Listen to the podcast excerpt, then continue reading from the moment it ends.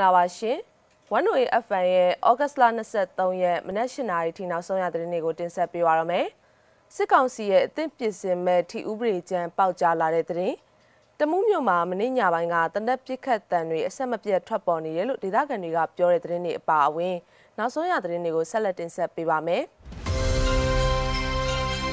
မောက်ဆုံးသတင်းတပုတ်အနေနဲ့တမူးမြို့မှာဩဂတ်စ်လ22ရက်ညကတနက်ပစ်ခတ်တံတွေအဆက်မပြတ်ထွက်ပေါ်နေတယ်လို့ဒေသခံတွေကပြောပါရယ်။တနက်တံတွေဟာညအစောပိုင်းကစပြီးထွက်ပေါ်နေတာဖြစ်ပြီးအသေးစိတ်အခြေအနေကိုမသိရှိရသေးဘူးလို့ဒေသခံတအူးကပြောပါရယ်။တမူးတစ်မြို့လုံးတနက်တံတွေနဲ့ခွေးဟောင်တံတွေပဲကြားနေရတော့တယ်လို့ဩဂတ်စ်လ22ရက်ည10:00နာရီလောက်ကအခြေအနေကိုဒေသခံတအူးကပြောပါရယ်။ ဒေတာရင်း PDF တပ်ဖွဲ့ဝင်တွေကကျန်းဖက်စစ်ကောင်စီစခန်းကိုတွားရောက်တိုက်ခိုက်တာလို့သတင်းတွေထွက်နေသလို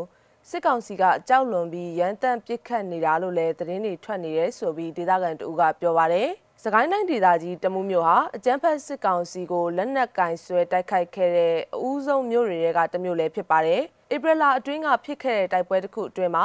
ဒေသခံလူငယ်တွေကကျန်းဖက်စစ်ကောင်စီကိုမြို့ရင်းလန်းတွေကနေပြီးပိတ်ဆို့တိုက်ခိုက်ခဲ့ရမှာစစ်ကောင်စီဘက်က 18ဦးကြဆုံးတဲ့အထိလက်စွမ်းပြနိုင်ခဲ့တဲ့မြို့လည်းဖြစ်ပါတယ်။နောက်ထပ်သတင်းတစ်ပုဒ်အနေနဲ့အာနာသိန်းစစ်ကောင်စီရဲ့အောင်ပါလေတီကိုအွန်လိုင်းကနေဖြန့်ဖြူးရောင်းချမဲ့ electronic ဥပဒေအသစ်ပြင်ဆင်မဲ့လျှို့ဝှက်တီဥပဒေကျမ်းဟာဩဂတ်လ22ရက်မှာပေါက်ကြားလာခဲ့ပါတယ်။အောင်ပါလေသိန်းစုအခွန်တွေပို့တိုးပြီးကောက်ခံနိုင်စေဖို့ထီလက်မှတ်တွေထုတ်ဝေတာဖြန့်ဖြူးတာရောင်းချတာနဲ့ထီစုငွေထုတ်ပေးတာတွေကိုစနစ်တကျဆောင်ရွက်နိုင်စေဖို့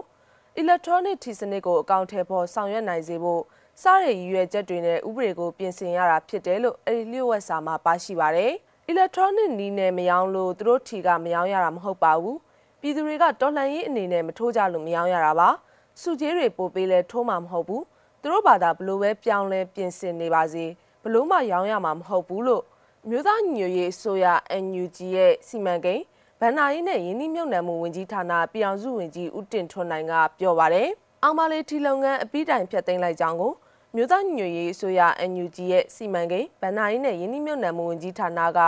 ဩဂတ်စ်လ22ရက်မှာထုတ်ပြန်ကြေညာထားခဲ့ပါတယ်။အောင်ပါလေးထီကိုလက်ကားဝယ်ရောင်းလုပ်နေတဲ့ထီလုံငန်းရှင်ကြီးတွေအနေနဲ့အောင်ပါလေးထီလက်မှတ်တွေဝယ်ယူရောင်းချဖြန့်ပြူတာမလုပ်ကြဖို့အထူးသတိပေးတားမြစ်ထားပြီးဖောက်ဖျက်ကျူးလွန်ရင်တည်ဆဲဥပဒေတွေနဲ့အညီအရေးယူဆောင်ရွက်သွားမယ်လို့ စီမံကိန်းဗန်နာရေးနဲ့ယင်းနှမြုပ်နှံမှုဝန်ကြီးဌာနပြည်အောင်စုဝန်ကြီးဦးတင်ထွန်းနိုင်ကပြောပါရယ်အာဆီယံမှာမြန်မာအရေးဆောင်ရွက်ရမှာပုံမထိရောက်စေရေးအတွက်တိုကျိုရောက်မြန်မာနိုင်ငံသားတွေကဘရူနိုင်းတန်ယုံရှိမှာဆန္ဒထုတ်ဖော်ခဲ့ကြပြီးတောင်းဆိုချက်၅ချက်ပါအိတ်ဖွင့်ပေးစာကိုပေးခဲ့ကြတယ်လို့သိရပါဗျ။မြမအရေးကိစ္စနဲ့ပတ်သက်ပြီးကိုယ်စားလှယ်ခန့်အပ်ခံထားရတဲ့ဘရူနိုင်းဒုတိယနိုင်ငံသားရေးဝန်ကြီးထံ ဂျပန်နိုင်ငံတိုကျိုမြို့ရှိဘရူနိုင်းတန်ယုံကနေတဆင်အိတ်ဖွင့်ပေးစာတစ်စောင်ပေးအပ်ခဲ့ကြတာဖြစ်ပါတယ်။2021ခုနှစ်ဧပြီလမှာပြုလုပ်ခဲ့တဲ့အာဆီယံခေါင်းဆောင်တွေရဲ့အစည်းအဝေးကနေမြမအရေးနဲ့ပတ်သက်ပြီးသဘောတူညီချက်၅ချက်ထုတ်ပြန်ခဲ့ပြီးအဲ့ဒီသဘောတူညီချက်ကိုအကောင့်ထဲပေါ်ဖို့ဘရူနိုင်းဒုနိုင်ငံသားရေးဝန်ကြီးကိုမြန်မာနိုင်ငံဆိုင်ရာအာဆီယံအထူးကိုယ်စားလှယ်အဖြစ်ရွေးချယ်ခဲ့တာဖြစ်ပါတယ်။နောက်ထပ်သတင်းတစ်ပုဒ်အနေနဲ့စကိုင်းတိုင်းဒေသကြီးရွှေဘိုခရိုင်ခင်ဦးမြို့နယ် ကန်တိရွာကြီးရွာကလင်များနှစ်ဦးကိုအကြမ်းဖက်စစ်ကောင်စီတပ်သားတွေကပြစ်ခတ်တပ်ဖြတ်မှုဩဂတ်လ22ရက်ညပိုင်းကဖြစ်ပွားခဲ့ပါတယ်။ခင်ဦးမြို့ကနေကန်တာယာကိုသွားတဲ့လမ်းမကြီးရှိတရားလိန်ဆိုတဲ့နေရာမှာဖြစ်ပွားတဲ့အဲ့ဒီဖြစ်စဉ်မှာအသက်35နှစ်အရွယ်ကိုမောင်အေးနဲ့အသက်36နှစ်အရွယ်မက်နွနွဲ့အေးတို့တေဆုံးခဲ့တာဖြစ်ပြီးအသက်3နှစ်အရွယ်လူမမယ်သမီးငယ်တဦးကြံရီခဲ့တယ်လို့ သူတို့နဲ့ဆွေမျိုးတော်ဆက်သူထံကနေသိရပါတယ်။ဗအိုးရွာသားနဲ့ညာတော့အဲ့ဒီရွာကလယ်တွေကောက်ဆိုင်ခရှင်းဖို့လေတော့တဲ့သွားကြတာပါ။အပြန်ည9နာရီလောက်မှာကင်းလှည့်တဲ့စစ်သားတွေကနှစ်ယောက်စလုံးကိုပြစ်တက်လိုက်ကြတာပြားလို့သူကပြောပါတယ်။ကိုမောင်အေးဟာလေယာလောက်ကင်တဲ့တောင်သူတူဖြစ်ပြီးစိုက်ပျိုးရေးစေးတွေရောင်းချသူလည်းဖြစ်ပါတယ်။မန်နွနွဲ့အေးကတော့ကြေးရွာမှာစေကုသပေးတဲ့ဘွဲရသူနာပြုဆရာမတဦးဖြစ်ပါတယ်။ဒီဖြစ်စဉ်ကိုခင်ဦးမြို့နယ်ရဲစခန်းကကန်တစ်ရွာသားတဦးထံဖုံးဆက်အကြောင်းကြားမှသာ ဆွေမျိုးတွေကစခန်းကိုလိုက်သွားကြရတာဖြစ်တယ်လို့လည်းသိရပါတယ်။စခန်းမှာရဲတွေပြောတာကတော့ကင်းလဲတဲ့စစ်သားနဲ့တွေ့တော့ဆိုင်ကယ်ရက်မပေးလို့ပြစ်လိုက်တာလို့ပြောပါတယ်။သူတို့စကားပါပဲ။ပြီးတော့ဆိုင်ကယ်ကိုလည်းပြန်မပေးသေးပါဘူး။နောက်ကောက်ဆိုင်ခတွေနဲ့လေလုတ်ခတွေရှင်းဖို့ပတ်စံ10သိန်းလောက်ပါသွားတာလဲသူတို့ယူထားလိုက်တာပဲနေမယ်။နောက်တော့ရင်ခွဲရုံမှာသူနဲ့သူ့အမျိုးသားရဲ့ရုပ်အလောင်းကိုနာကူကကားနဲ့သွားထုတ်ရတယ်လို့ဆွေမျိုးတဦးကပြောပါတယ်။တေဆုံးသူကိုမောင်အေးမောင်ဦးကောင်းတနက်ကြည်တန်ရတစ်ချက်မက်နွယ်နွယ်မှာဩ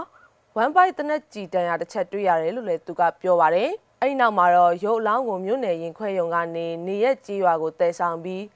ဩဂတ်စ်လ22ရက်နေ့လယ်တနာရီလောက်မှာရွာတုတ်တန်မှာပဲမြေချမြုပ်နှံခဲ့ကြတယ်လို့လည်းသိရပါတယ်။သူတို့လင်မယားမှာသမီးလေးကြံရပါတယ်။၃နှစ်ပဲရှိပါသေးတယ်။သူ့အတွက်ကိုတော့ကြံတဲ့မိသားစုတွေတိုင်ပင်ကြရပါအောင်မယ်။ အဖေရောအမေရောမရှိတော့ဘူးဆိုတော့ရှေ့လျှောက်ဘယ်လိုလုပ်ကြမလဲဆိုတာကိုပေါ့လို့သူကဆက်ပြောပါတယ်။ခင်ဦးမြို့နယ်လေးမိုင်ခန့်ဝေးတဲ့ကန်တစ်ရွာရှိလူအများစုဟာလေယာစိုက်ပျိုးရေးလုပ်ကင်ကြပြီးအခုဖြစ်ရအပေါ်တောင်သူတွေကစိုးရိမ်နေကြပါတယ်။ကျွန်တော်တို့လည်းစိုက်တဲ့သူတွေလည်းအခုလိုဖြစ်ရမျိုးတစ်ခါမှမကြုံဘူးပါဘူး။သူတို့လှုပ်ချင်တယ်လို့လုပ်နေကြတော့စိုက်ပျိုးရေးလုပ်ဖို့သွားလာရမှာတော့လန့်နေပါပြီလို့အဲ့ဒီရွာကတောင်သူတဦးကဆိုပါတယ်ဇူလိုင်လ22ရက်ကစကိုင်းတိုင်းဒေသကြီးရွှေဘုံမြို့နယ်ကွန်စိတ်ကြီးရွာကဦးသိန်းတင်ဟာည 9နာရီအချိန်ရွာကိုပြန်လာချိန်စစ်ကောင်စီတပ်သားတွေကတနက်နဲ့ပစ်ခတ်ခဲ့တဲ့အတွက်တိတ်ဆုံးခဲ့ရမှုလည်းဖြစ်ပွားခဲ့ပါသေးတယ်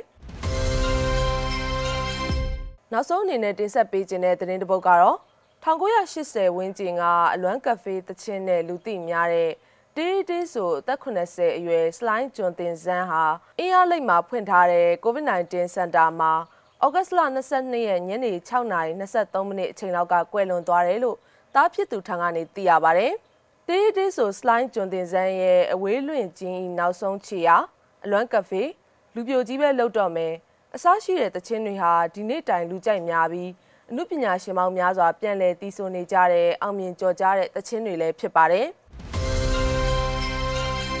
ဝန်နိုရဲ့ FM နဲ့ပိုင်းနောက်ဆုံးရသတင်းတွေကိုတင်ဆက်ပေးကြတာပါ။နားဆင်မိခဲ့ကြတဲ့ပြည်သူတွေအားလုံးစိတ်ချမ်းသာခြင်းကိုယ်ကြမ်းမာခြင်းနဲ့ပြည့်စုံနိုင်ကြပါစေရှင်။